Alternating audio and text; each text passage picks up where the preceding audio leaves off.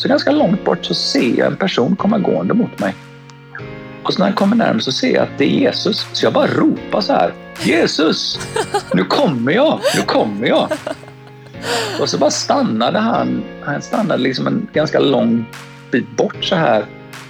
Och så hörde jag i mitt huvud som att någon, alltså en, en glasklar röst, fast den är inne i mitt huvud så bara hör jag en röst som säger min son, det är inte dags för dig än.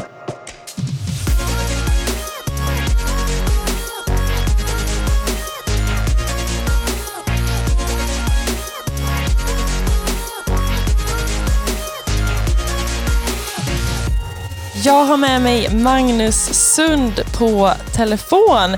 Magnus, du får eh, till och med en så applåd eh, som start. Varmt välkommen! Tack så jättemycket. Jätteroligt att få vara med. Så härligt att ha med dig. Vill du, vill du berätta lite vem du är? Och Först och främst, anledningen till mm. att du inte är på plats är för att du är väldigt långt borta. Jag sitter här i Sverige, i Göteborg. Men vart är du någonstans? Jag sitter i min lägenhet i Sydney i, ja. eh, i östra delen av Sydney, precis vid havet. Så jag är lyckligt lottad. Det är höst här. Men höst här betyder ju eh, 17-18 grader och sol och 20 grader i vattnet. Ja, eh, så det är ganska trevligt. Oj, vad underbart. Wow, men jag tänkte på det på vintern. Hur, kall hur kallt blir det? Liksom? Hur, eller vad är det kallaste? Alltså det kryper väl ner på natten kan det krypa ner sådär 6-7 grader och mm. sen på dagen kanske 10 till 14, 16 någonstans sådär. Mm. Så att det är egentligen inte så kallt ute. Det är mer att det är så grymt dåligt isolerat. Ehm, så att det blir väldigt kallt inne. Mm. Ehm, 16 grader ute är ju inte så kallt men när det är 16 grader inne så blir det lite kyligt. Ja, jag bodde på Cypern ett år. Det var exakt likadant där. Så man behövde ja. gå ut för att värma sig. Precis, det är samma sak här. Ja. På, på förmiddagen så går man ut för att, och så öppnar man fönster och dörrar så att det ska liksom komma in värme utifrån. Ja, men det är så lustigt. Och jag vet inte om, för, för oss då på Cypern så, så upptäckte vi att det var nästan som att värme på vintern var en lyxgrej. Alltså lite som AC är i Sverige på sommaren var värme på Cypern. Är det likadant i Australien? Ja, det skulle jag nog säga. Att det, AC det kör man fått, på med liksom? Ja, ja, vi har fått ett värmeaggregat men det finns ju inga element. Eh, så vi har som ett gas, en gasvärmare i ett av rummen. eh, men det är lite sådär, du vet, det är gliper under dörren så att det kan blåsa in och ja. englasfönster utan isolering och eh, Ja. Så det är skönt på sommaren att det, att det, är, att det är friskt men, eh, men på vintern blir det kyligt. Mm. Ja, nej men eh, spännande. Men det är så, så häftigt att du bor där verkligen. Du har ju bott i många, många olika länder. Um, vill du mm. nämna några av dem? Ja, Sverige naturligtvis då. Född och uppväxt i Göteborg. Ja. Eh, och sen har vi bott i Thailand. Eh, vi bodde i Kalifornien i fyra år. Eh, och nu i Australien och varit här i ett och ett halvt år. Mm. Ehm, och eh, tycker om att resa. Frugan och jag vi har besökt 40 länder tror jag tillsammans. Oh, wow. Ehm, så att eh, tre barn, eh, de är vuxna nu. 49 år gammal och som sagt var uppväxt i Göteborg. Sen flyttade jag till Stockholm. Jobbade med hemlösa åt Frälsningsarmén i många år. Ehm, mm med hemlöshet och psykisk sjukdom och har jobbat mm. på en hel del olika behandlingshem. Har väl alltid jobbat med människor i stort sett så länge jag har arbetat och mm. nu har jag fått anställning här i Sydney i en kyrka. Så jag jobbar i en kyrka som pastor eller präst beroende på vilken titel man vill använda. Mm. Uh, och min huvuduppgift är att ha samtal med människor. Mm. Och, eh, så det är vad jag gör mesta delen av min arbetsvecka. Det är att jag har samtal med människor som är i kris på olika sätt. Allt ifrån mm. att man är deprimerad och utbränd till att man har varit med om eh, våldtäkter och sexuella utnyttjanden och våld, våld i nära relationer och så vidare. Oh. Um, så, så det är mitt, min ar primära arbetsuppgift.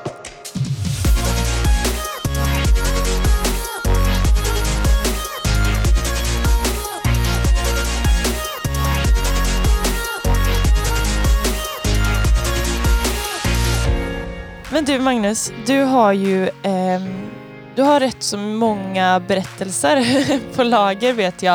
Eh, vi har kunnat sitta här en hel dag för att höra allt som, som du har varit med om och, och, sett. Men jag vet att du har en väldigt, väldigt tydlig erfarenhet av faktiskt himlen och den här podden handlar just om mm. himlen och om, mm. eh, om hur människor har, har upptäckt att himlen finns på riktigt. Eh, vill, du, vill du berätta din story? Vad var det som mm. hände dig egentligen? Alltså jag växte ju upp i ett, eh, vad ska man säga, vanligt svenskt medelklass eh, liv på 70-talet. Jag är född 72. Så jag var ju tonåring på det glada 80-talet. Eh, och eh, har alltid haft en tro på, på en andlighet och en gud fast inte vi gick till någon kyrka eller att det är liksom mamma och pappa var ju inte, var inte kristna eller andliga överhuvudtaget. Men, men jag, jag, det har alltid funnits där för mig. Mm. Um, sen så följde jag med mina kusiner till kyrkan. De gick till en pingkyrka i Göteborg så jag följde med dem. Och, uh, det var ju väldigt mycket jag inte förstod. Jag fattade liksom inte. Uh, men jag, jag, tyckte om värmen även om jag inte förstod massa grejer. Mm. Uh, så jag har alltid trott på Gud. Sen så hade jag väl en period i tonåren där, där jag tvivlade ganska mycket på om det här verkligen var sant. Men när jag var, eh, jag läste till kock på livsmedelsteknisk linje och eh, andra året där så praktiserade jag på en restaurang inne i stan, eh, bodde mm. ute i Frölunda. Eh, missade bussen som jag ofta gjorde, tidsoptimist som jag är. Eh, så jag tänkte att jag får cykla till jobbet istället eller cykla till praktiken. Mm. Och eh, när jag är på cykeln här så, så kommer jag till en korsning eh, i Kannebäck och då så ser jag att det kommer en bil eh, från en tvärgata. Men jag tänker att jag har företräde så jag stannar inte.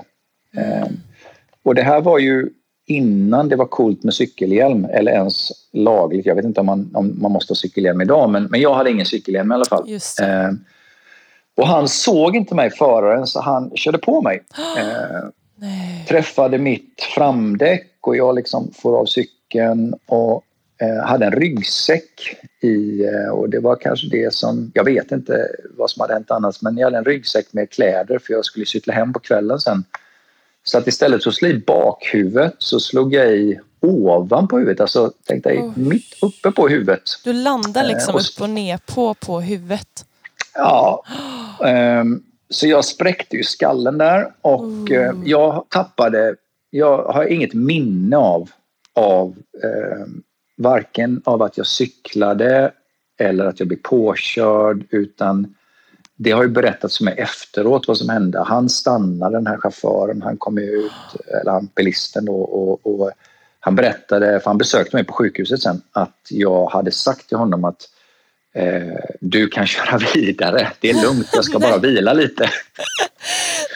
eh, och det var ju liksom, du vet en sån här fontän som pulserade med blod ut genom huvudet. Jag ska bara uh, vila lite. ja, jag ska bara vila lite. Så, kan trev, kan så du köra vidare. mitt i allt det. ja, precis. Nej men eh, hjälp uh, Magnus, usch vad hemskt. Sen så kom jag ambulansen och det minnet jag har uh, var att jag sa till ambulanspersonalen att nu kommer jag dö. Och mm. jag Eh, har lärt känna Jesus och när man dör så får man komma till honom så det är jätteviktigt att ni också lär känna honom. Säger du det till dem? Och sen, ja, det, det, det kommer jag ihåg och sen, jag kommer inte ihåg vad de svarade utan vad jag kommer ihåg var att det var som att jag vände mig bort. Jag kan inte förklara på något annat sätt. Det kändes som att jag vände mig bort ifrån min kropp. Ah. Och plötsligt så är inte jag i ambulansen längre. Um, utan jag befinner mig på... Eh, det är helt ljust, det är helt vitt. Eh, och man kan se... Det finns liksom inget stopp på hur långt man kan se. Eh, och jag, jag, är helt ensam och det är en, en frid som jag aldrig har upplevt tidigare. Det, det är ehm, dels som att det inte bara är en frid inuti mig, man kan känna den här djupa tillfredsställelsen utan att det är som att varje cell, varje por, varje del, luften, atmosfären runt omkring, allting är liksom mättat med frid. Wow. Och det är som att allting bara har kommit, det är som att hela tillvaron har kommit till vila. Mm. Och, och, jag bara tänker så här, oj, jag är död. Det, du tänkte uh, det i den här stunden? Jag är död. Ja, ja alltså jag, jag blev ju, jag ju medveten. Wow, jag, jag, är, jag är inte ambulansen längre. Och, och, och jag vet att, att jag tänkte så här, det finns ju så mycket som jag inte har gjort än. Uh, jag har inte rest jorden runt. Jag hade precis blivit tillsammans med Annika som jag sen gifte mig med. Och, mm. liksom, det var ju så många drömmar. Jag var ju 17 liksom. Man har så mycket man vill uppleva.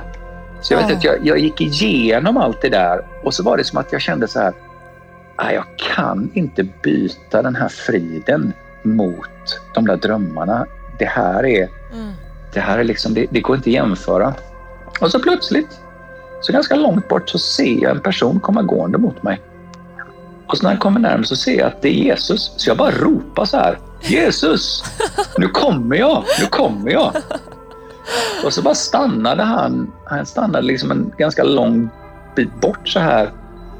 Och så hörde jag i mitt huvud som att någon, alltså en, en glasklar röst, fast den är inne i mitt huvud så bara hör jag en röst som säger Min son, det är inte dags för dig än. Eh, så jag bara ropade så här. Men jag kommer nu, jag kommer nu, jag vill vara här, jag vill inte tillbaka, jag kommer nu. Och så hörde jag den där rösten igen som bara sa att min son, det är inte dags för dig än. Jag har mycket för dig som jag vill att du ska göra. Eh, det är inte din tid än. Och så plötsligt så var det som att, jag kan inte förklara på något, det kändes som att jag sögs ut ur vad ska man säga, den tillvaron. Jag bara ropade så här, nej jag vill inte tillbaka, jag vill inte tillbaka, jag vill inte tillbaka. Och så plötsligt så öppnade jag ögonen och då står min pappa lutad över mig och skriker. Vad är det för år, Magnus? Vad är det för år? Hmm. Uh, och då låg jag ju på operationsbordet, för de skulle inte operera mig utan de höll på att sy ihop min, hmm. min skalle. Och hur lång tid uh, efter då, var detta som du vaknade efter att du varit i ambulansen? Jag, jag, jag vet inte. Det, det, måste ju varit kanske 15 minuter, 20 minuter. Okej, okay. det var ehm. inte längre än så liksom? Som du var Nej, det borta? tror jag inte. Det tror jag inte. För att det här hände ju precis när jag kom in i ambulansen och sen så körde de mig till Sahlgrenska och så in på akuten och så in på operations... Eller ja, mm. operations... De skulle inte operera mig men... Så jag vaknade när de sydde ihop mitt huvud där och min pappa står och skriker liksom att vad är det för år? Och då ville ju de veta om jag hade hjärnskador. Eh, så det var därför han frågade vad det var för år, om jag liksom var medveten. Och du vet, jag var ganska disträ som 17-åring så jag tror inte jag visste vad för år utan att ha haft en nära döden-upplevelse. Mm. Um, så jag kunde inte svara på den frågan. Men, men uh, så, att, så det, var, det var första gången jag hade liksom en vad ska man säga, utomkroppslig gudomlig upplevelse och sen, sen har det blivit mig förunnat måste jag ju säga. Mm. Att ha liknande upplevelser utan att bli påkörd. Ah, precis. Eh, genom åren. Eh, så det, det, är ju en otrolig förmån wow. eh, som, som jag har fått uppleva eh, händer återkommande. Det var, det var som hmm. att det blev liksom, ja, jag vet inte om det var ett skifte där, om det var någonting som hade kommit även om, om jag inte hade haft den upplevelsen. Men ja, regelbundet upplevelse som, som påminner om, om den.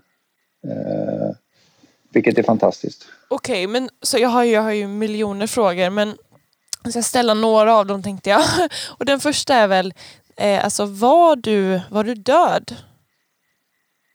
Alltså jag, jag har ibland eh, funderat på det själv. Mm. Eh, för jag vet inte. För jag har inte, jag har inte begärt att få ut någon, någon vad ska man säga, patientrapport. Mm. Eh, det jag vet var att jag lämnade min kropp. Sen om mitt hjärta stannade, om jag var hjärndöd och de fick igång mig. Mm. Jag vet inte. Och jag ja, hade liksom inte sinnesnärvaro att, att fråga dem heller. För jag menar, jag hade ju ont överallt. Jag hade ju skrapsår över hela kroppen. Oh. Och, oj, oj, oj. Så jag var inlagd i, i, flera dagar där. Eh, och sen när jag kom hem så var jag jättesvag. Och du vet, det var inte ens en fråga för mig då utan det var bara jag haft den coolaste upplevelsen i hela mitt liv. Mm. Och eh, var bandagerad liksom från topp till tå mm. nästan. Eh, och 17 år. Så det var liksom inte ja. ens... Men senare så har jag varit så här, vad hände rent medicinskt? Ja, eh, kan man, kan man, finns den här rapporten kvar? Finns det arkiverat någonstans? Eller, men nu har det gått så många år så att mm. eh, jag misstänker att de inte har kvar det. Så jag vet faktiskt inte. Jag vet inte. Men i alla fall, du, du upplever detta. Alltså, skulle du säga när du, när du då kommer till den här, det här ljuset liksom, som inte hade något slut. Eh, vad tror du att det var? Tror du att det var något, alltså, Eh, något i mellanstadie mellan eh, innan man kommer in till himlen liksom? Eller vad, vad tror du att det? Ja, jag tror inte, jag, jag har ju haft vad ska man säga, upplevelser som jag skulle säga att jag blev tagen till himlen och jag tror att det är precis som du säger, jag tror att det här var någon slags mellan, typ farstun. eh, jag, jag, tror inte att jag var i själva himlen utan jag tror att jag var någon slags mellanläge där du har inte korsat över men du inte heller kvar i din kropp. Mm. Eh, vad ska man säga, din ande eller själ har lämnat kroppen. Det kanske fortfarande finns ett visst liv kvar i kroppen men, men, och du är i det här mellanläget. Och det hade kunnat det hade kunnat, om jag hade blivit tillåten att gå vidare så hade kroppen dött men nu blir jag skickad tillbaka så då fortsatte kroppen att leva. Det är ungefär mm. så jag ser det. Vad, det här är så spännande. Såg du Jesus ansikte tydligt eller var det, liksom, var det inte så klart? Det var jättetydligt. Det var jättetydligt. Det var... Eh, ja. Hur såg var, han ut? Han var så där strålande som man tänker att han är. Han, eh, jag tror att han kan ta olika skepnader beroende på hur människor tänker honom. Men, men han var han var den där vackra mannen med fantastiska ögon och skägg och och ganska långt hår, helt klädd i vitt. Mm. Eh, och du vet en röst som man kan lyssna på en evighet. Mm. Wow. Eh, så jag vet att jag tänkte efteråt, så jag tänkt så här, om döden är att vara där jag var och sen är det inget mer. Det, det är bara det det är och det är så i evighet. Så så är det så mycket mer fantastiskt än allt vi kan uppleva här. Även Oj. om det inte skulle vara någonting mer. För den Även friden, om det bara är vitt liksom. Den friden, det, jag kan inte beskriva den mod. Eh, det, det, var, det var helt fantastiskt. Wow. Och när du säger att du har haft eh, fler upplevelser av just himlen, har det varit lika tydligt då? Alltså, har du upplevt att Gud faktiskt har att du har lämnat din kropp och kommit till himlen utan att behövt dö i efterhand? Alltså jag har haft, jag har haft upplevelser som, vad ska man säga, det, det, det är en variation av vad ska man säga, upplevelsens natur. Allt ifrån att det är som en syn, en känsla som är inuti dig, att du ser det liksom ungefär som att man säger att, jag menar jag säger tänk på Eiffeltornet och så ser man Eiffeltornet framför sig att, att det är ungefär så man upplever det, både syn, hörsel och känslomässigt till att man känner att nu vet jag inte om jag var där fysiskt eller inte därför att det är så starkt, det är så, det är så verkligt. Det känns som att man blir tagen någon annanstans. Mm. Sen om jag var där bara med min ande och min själ eller om min kropp var där också, det, det är liksom svårt att avgöra för att plötsligt så är du där. Mm. Eh, och, och på något sätt allt däremellan eh, mm. till det här väldigt, eh, vad ska man säga, eh, man, man, man behöver fokusera och sätta tro på det för att det ska kännas som verkligt när det är det här bara som är i min, i min inre blick, i min inre känsla till det här som man inte tvivlar på en sekund och så på något sätt spannet däremellan. Så att Det har varit hela registret.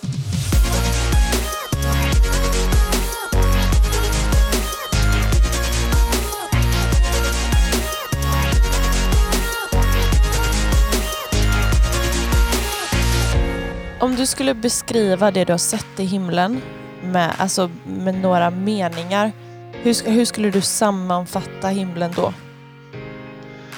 Alltså min upplevelse är att, att jag tror ju att det, den skönheten vi ser på jorden i form av, av hav, solnedgångar och skogar och berg och liksom fjällsjöar, att det är på något sätt en avspegling en, en skugga av det som, som kommer sen. Så att i stort sett varje gång varje gång som jag upplevt att jag blivit tagen dit så antingen är det eh, otroligt naturskönt. Alltså sådär mm. vykortsvackert fast två plus noll. Eh, med en otrolig frid, en otrolig kärlek, en otrolig värme, glädje. Det finns liksom ingen sorg, ingen smärta. Eller så är det bara starkt ljus. Eller så är det djupt mörker, men inte ett skrämmande mörker. Utan ett inbjudande mörker, att man känner att Åh, jag vill bara djupare in i det här mörkret. Oj! Det är ju inte det man tänker sig, men då, du menar, men det, oavsett så är det alltid, alltid gott, alltid frid, alltid alltid glädje liksom, i, i detta du upplever? Ja, alltså de, de, det här med mörkret, de första kyrkofäderna de talar ju om att, att när det står i, i, i Saltaren i Gamla Testamentet så står det att Gud döljer sig eller gömmer sig i mörker. Just det. Eh, och då talar de om att, att om man söker Gud så kan man bli tagen in i det gudomliga mörkret. Mm för att där få ta del av Guds hemliga natur. Alltså att man får uppleva en del av det som är dolt i Gud. Alltså som, som troende så tänker vi ju att Gud visar sig synligt i ljus genom att Jesus kom och mm. genom att vi fick Bibeln och att vi fick liksom uppenbarelserna. Men det är liksom inte slutstationen utan det är bara första början. Mm.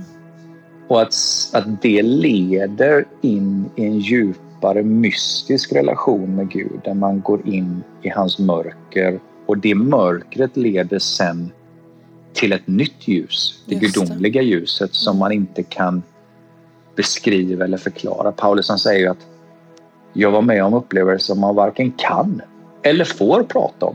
Det, det, går inte att beskriva.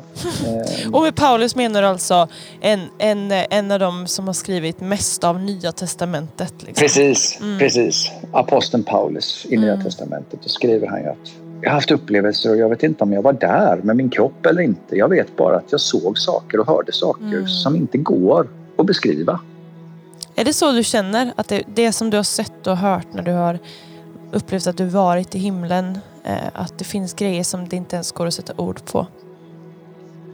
Alltså allting blir ju, jag, jag har ju aldrig upplevt att, att jag har sett saker eller upplevt saker där Gud har sagt att det här får du inte berätta. Det har väl varit ett fåtal, alltså tror jag en eller två gånger. Men, mm. men det är väl snarare så att det är svårt att klä det i ord. Ja. Det, det är lite som att det blir, det är så som ett ljus fast det är mer än ljus. Mm. Friden är ungefär som när man har semester.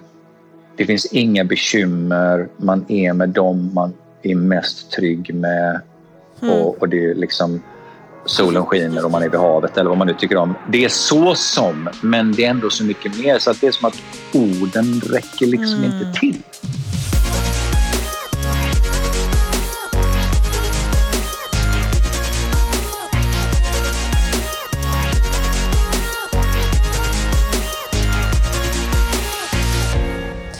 Men du, när du har upplevt himlen, vad har du sett liksom? Har du alltid sett Jesus där? Har du, har du sett andra människor? Alltså, jag har sett andra människor. Ehm, jag har sett människor som har levt tidigare i historien. Jag har eh, mött Jesus. Jag har mött eh, en rad olika änglar Mm. Med olika uppdrag och olika, vad ska man säga, änglarna de, de har ju olika uppdrag och de bär med sig olika gåvor. Så att när de uppenbarar sig så kommer ju de för att hjälpa och utrusta. Så då, då kommer de med en speciell eh, vad ska man säga, en speciell nåd, en speciell... Eh, I engelskan säger de ju grace, jag gillar det ordet, att mm. man får liksom en, en hjälp på ett visst område. Det kan vara att, att man behöver extra mycket frid eller man behöver extra mycket vishet eller jag vet, jag, jag mötte en ängel vid ett tillfälle som, som sa att det är jag som hjälper kvinnor eh, som har blivit sexuellt utnyttjade att bli hela igen. Oj. Eh, och då är det alltså det, Jesus, menar du, som, sänd, som sänder ut de här änglarna? Liksom, som kommer precis, för att hjälpa han, hans folk, alltså kristna? Ja, och inte, jag tänker ju att änglarna hjälper inte bara kristna. Mm. Eh, sen tror jag att det är primärt kristna, men, men alla människor. Så att vid det här tillfället, mm. när jag mötte den här ängeln som som presenterades som att han hjälper kvinnor som har blivit sexu sexuellt utnyttjade, då, då skulle jag tala på en sammankomst i England. Mm. Eh, och när jag bad över den där upplevelsen så upplevde jag som Gud sa väldigt tydligt till mig att ikväll vill jag att du ska tala om det här och sen så ska du ska du inbjuda dem i publiken som har blivit sexuellt utnyttjade och våldtagna att ställa sig upp och så ska du be för dem och då kommer den här ängeln att betjäna dem och hela dem. Mm. Och jag tänkte, det kan man inte göra. Du, du kan ju liksom inte, en samling tre, 300 personer kanske, säga att ja, ni som har blivit våldtagna eller sexuellt utnyttjade, om mm. ni ställer er upp. Mm. Eh, så jag sa till Gud att Gud, jag vet inte hur det är uppe hos dig, men, men vi gör inte så här. Och så upp och sa väldigt stilla att ja, fast ikväll ska du göra så. Ja. Så jag tänkte att ja, det får väl bära eller brista. Ehm, så jag talade och sen så sa jag att om det är någon som har blivit sexuellt utnyttjad eller våldtagen så ingen behöver gensvara men om du vill så ställ dig upp så ska jag be för dig så ska jag be att den här ängeln kommer och, och, och liksom betjäna dig. Och jag vet inte, jag, räknade inte men mellan 40 och 60 kvinnor ställdes upp. Mm.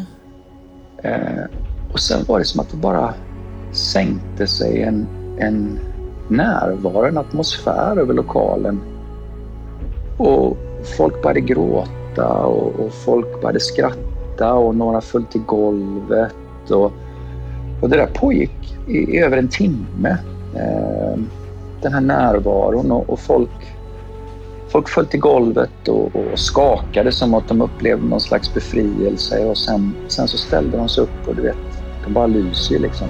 Eh, mm. Det var väldigt märkligt och fantastiskt. Ja, så de här kvinnorna i efterhand också berättar om hur ja. de upplevde att de verkligen blev helade. Ja, det var, jätte, det var jättestarkt. Det var väldigt fantastiskt.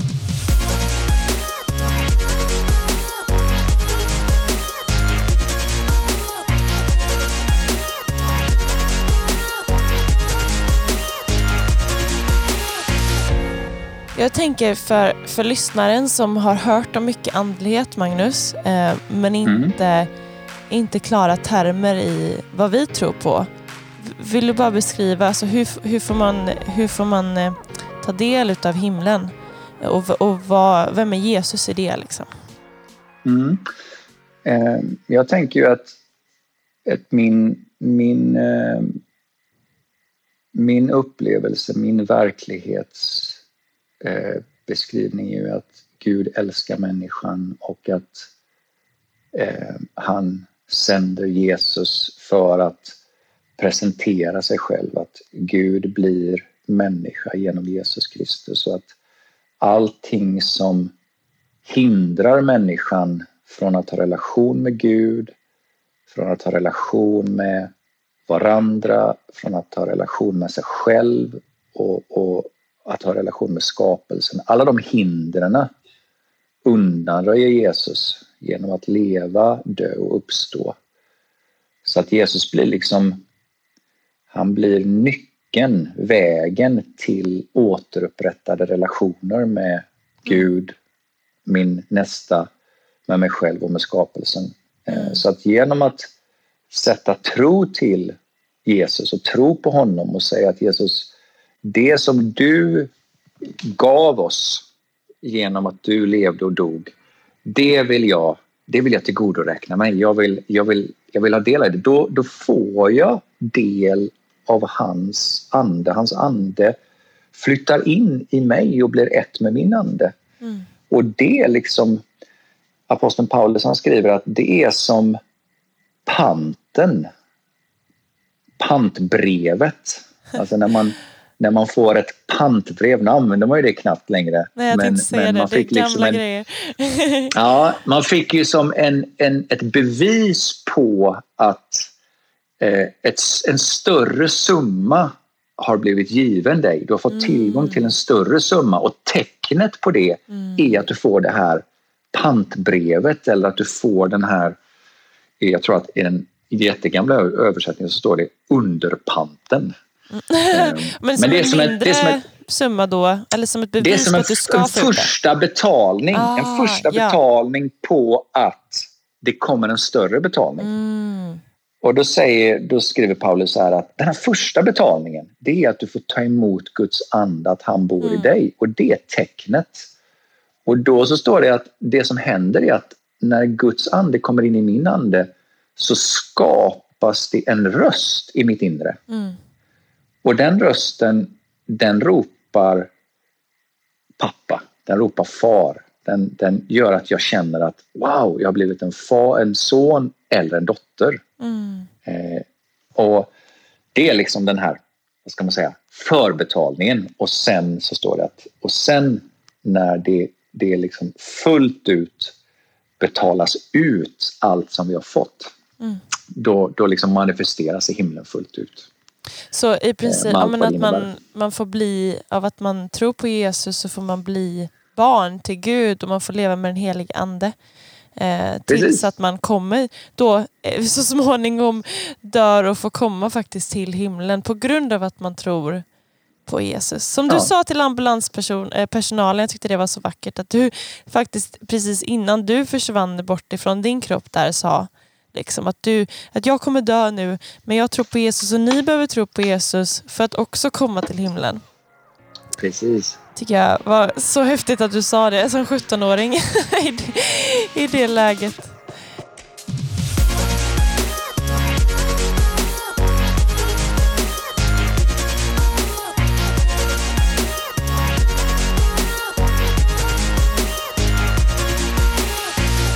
Någonting annat som jag sitter och funderar på lite grann är väl, för du pratar om alla de här upplevelserna du har och, och jag vet ju att allt det här du upplever på något sätt också kommer utifrån att du just känner Gud och att han väljer att visa de här grejerna för dig. Ehm, men när det kommer till just detta att, att höra Guds röst.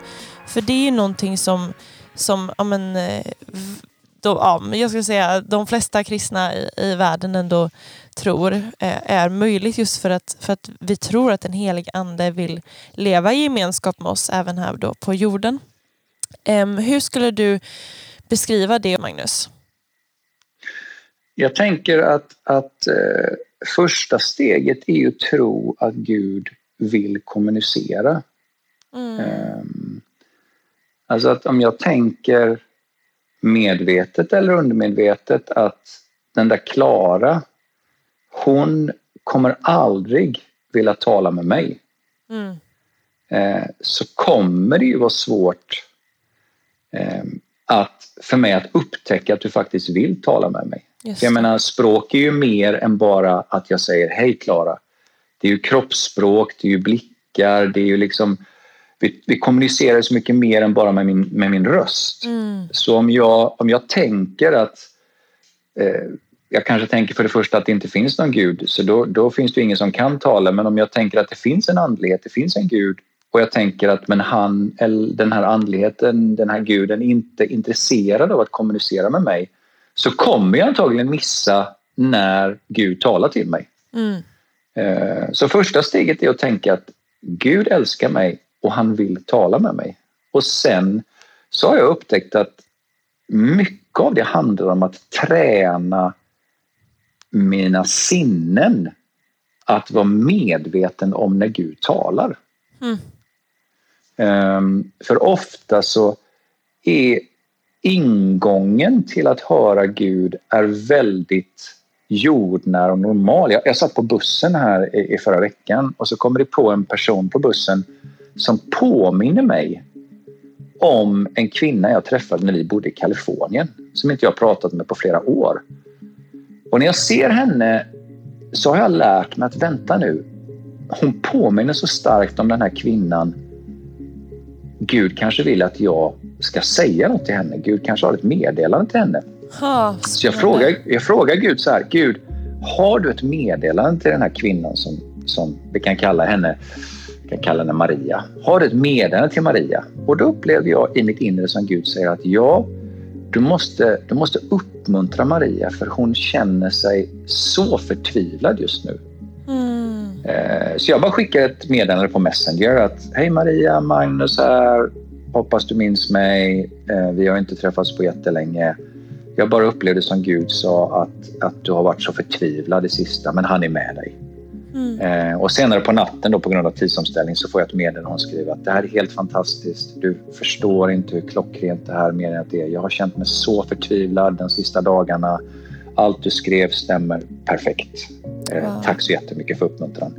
Mm. Eh, så ingången till det där var ju väldigt naturlig i att jag kände igen att vänta mm. nu, för jag har gjort det här så många gånger att vänta nu, när jag blir påmind om någon så är det säkert så att Gud vill tala. Just det. Eh, för att säga Gud, vad, vad vill du säga? Och för mig kommer det ofta som en, en röst i mitt huvud som låter nästan som en tanke eller att jag får en bild i mitt inre som, eh, som jag liksom fokuserar på. Ibland så ser jag det med mina fysiska ögon. Mm.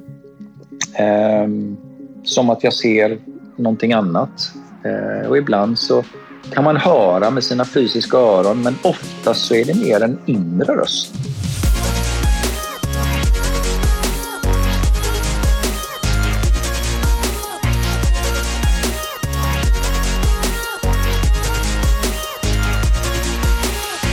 Kan ju kanske då vara svårt att urskilja vad som är eh, Gud och vad som är ens egna tankar.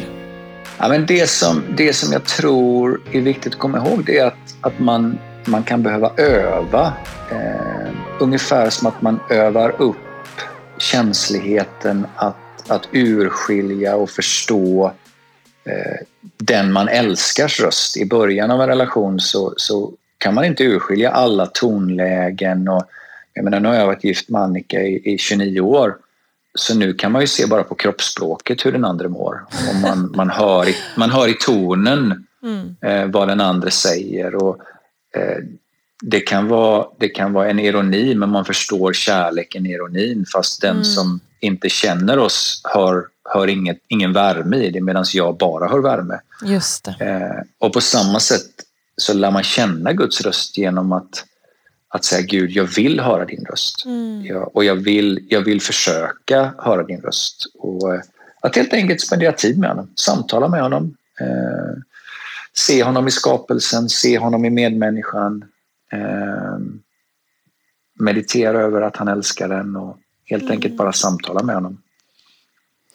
Wow, så, så vackert. Det har varit så härligt att höra, höra dina berättelser och tack så Magnus för att du har varit med och att du har varit så öppen också. Jag tror att det har varit eh, en stor välsignelse både för mig och för, för lyssnaren. Har du någonting sista som du skulle vilja säga till lyssnaren? Ja, eh, det skulle vara att, att eh, när Jesus säger att be så ska ni få, sök så ska ni finna och bulta så ska dörren öppnas för. Att, att eh, Gud är väldigt intresserad av att ha en relation med dig och mig. Han, är, han, han söker oss. Han, han, har, han har frid för oss. Han har kärlek för oss och han vill fylla oss med hopp. Mm. Um, och uh, jag har jobbat mycket med missbrukare och då var det en, en man, han, han sa så här att uh, när jag testade Gud då hade jag varit beroende av heroin i 14 år. Och då sa jag till Gud, Gud, om du finns, då måste du funka varje gång jag ber till dig. Därför att heroinsprutan funkar varje gång. Hmm. Oj. Så om jag ska byta dig mot sprutan, eller tvärtom sprutan mot dig, så måste du funka. Mm. Och så sa han, Hit, hittills har jag aldrig blivit besviken. Wow. Vilken grej, oj oj. Det var väldigt starkt. Precis. Ja, för att också att det är friheten i att det är okej okay att söka också. Alltså det är okej okay att vara hungrig, det är okej okay att, att verkligen vilja ha mer. För Gud, han, han ger av sig själv. Liksom. Men mm. eh, Magnus, också en, en till grej. Jag tror att det här har varit eh, jätteuppskattat om du ber för lyssnaren. Skulle du vilja göra det? Det gör jag jättegärna. Mm. Um, Jesus, jag tackar dig för var och en som lyssnar på det här. Eh, oavsett om de lyssnar på det direkt när det sänds eller flera år senare så ber jag att du ska komma till var och en som lyssnar. Jag ber att de ska få, få uppleva dig, att de ska få uppleva din kärlek.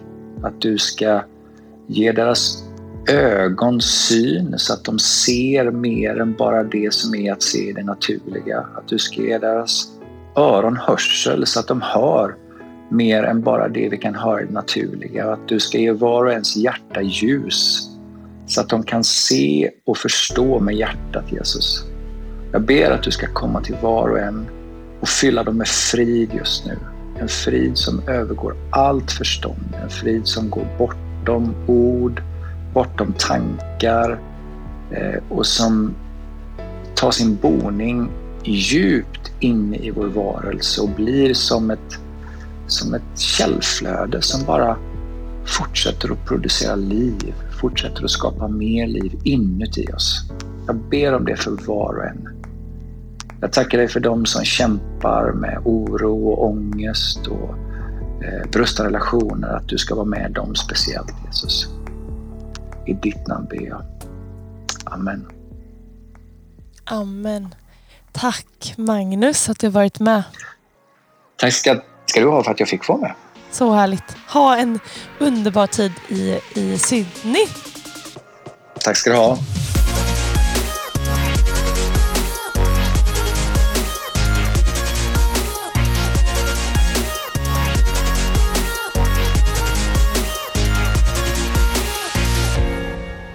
För att du har lyssnat på den här podden och kanske väckte detta en nyfikenhet i dig att få lära dig mer om kristen tro. I så fall får du jättegärna mejla mig på info hopemorgon.se. Jag hoppas verkligen att vi hörs där.